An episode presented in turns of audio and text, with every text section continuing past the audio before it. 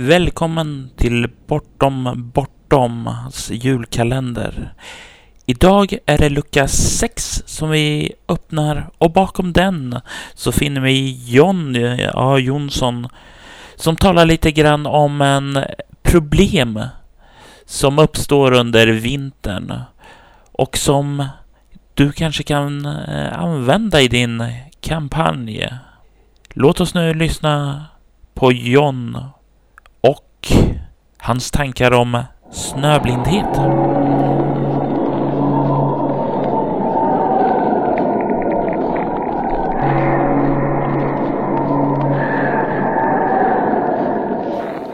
Alla vet att mörker är väldigt nära knutet till skräckgenren i stort. Ni vet alla mörkret som sakta kryper in mot befolkningen i den lilla byn. Ni vet alla de mörka skuggorna och de mörka hemligheterna i det mörka huset under den mörka natten. Ni vet alla berättelserna om de ljusskygga vampyrerna som gömmer sig i Stockholmsförorternas mörker. Och ni vet mörkret som stiger upp ur havet i skärgården för att sluka sina mål. Alla vet ju att mörker används väldigt ofta i skräck. Man ser inte så långt i mörker, man kan inte avgöra om skuggorna där i hörnet bara är skuggor eller om de även är det hot som förföljer dig.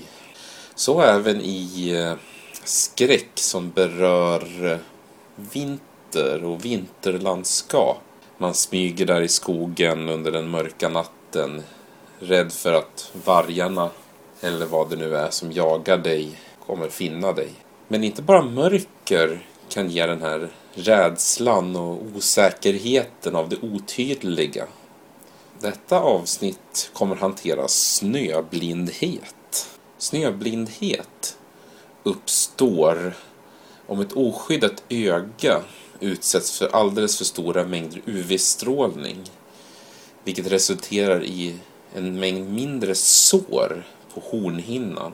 Snöblindheten kan även förekomma i starkt solsken eller solarier eller vid spetsning om man inte använder ögonskydd. Men i detta fall så tänkte jag hänvisa till snöblindhet som uppstår om man är ute i ett väldigt ljust vinterlandskap utan att bära med sig solglasögon. För det är inte alla som tänker att den kalla snön under vintern är någonting som kräver solglasögon. Men har man inte dessa med sig, till exempel om man har varit med om en olycka eller är på flykt undan någonting, då kan snöblindhet bli ett faktum. Låt oss ta ett litet exempel. Låt oss säga att man befinner sig på flykt mitt ute i den nordamerikanska vildmarken. Man är förföljd av någonting och kan inte stanna för att vila. Utan man flyr i blindhet genom det okända landskapet. På nätterna ligger man gömd under mörka träds grenar. Och på dagen tvingas man röra sig så mycket man kan för att komma så långt bort som möjligt. Kommer man då upp på en stor öppen yta där solen reflekterar starkt från den kritvita snön. Om man inte har någon möjlighet att skydda sina ögon så finns det en risk att man får dessa sår på ögonhinnan som orsakar att det börjar rinna tårar och att starkt ljus blir outhärdligt. Man känner som ett skavande mot sina ögon. Nästan lite känslan som att man har fått lite skräp eller damm i ögat.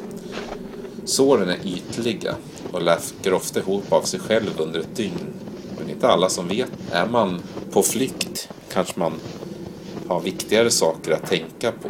Snöblindhet orsakar en känsla av att ögonen är smutsiga. Man tål inte att se ljuset. Känslan av ljus blir outhärdlig.